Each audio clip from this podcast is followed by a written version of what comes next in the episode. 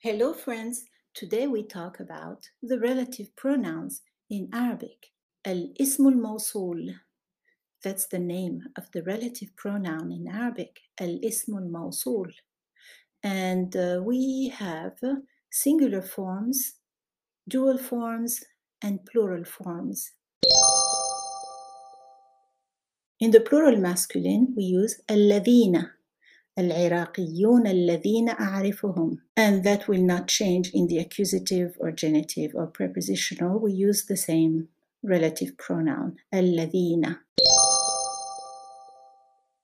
in the plural feminine we use اللاتي or اللواتي or اللائي so for example we could say العراقيات اللاتي أعرفهن or العراقيات اللواتي أعرفهن or العراقيات اللائي أعرفهن the most the most commonly used pronoun is اللواتي and that's why I put it first subscribe to my YouTube channel and check out my books on Amazon